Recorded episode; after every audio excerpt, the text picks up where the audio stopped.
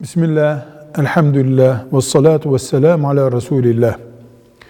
Kokusu, etkisi sürekli hissedilecek şekilde yoğun sigara içen bir eşe bütün ikazlara rağmen ikaz fayda etmiyorsa boşanma talebinde bulunulabilir.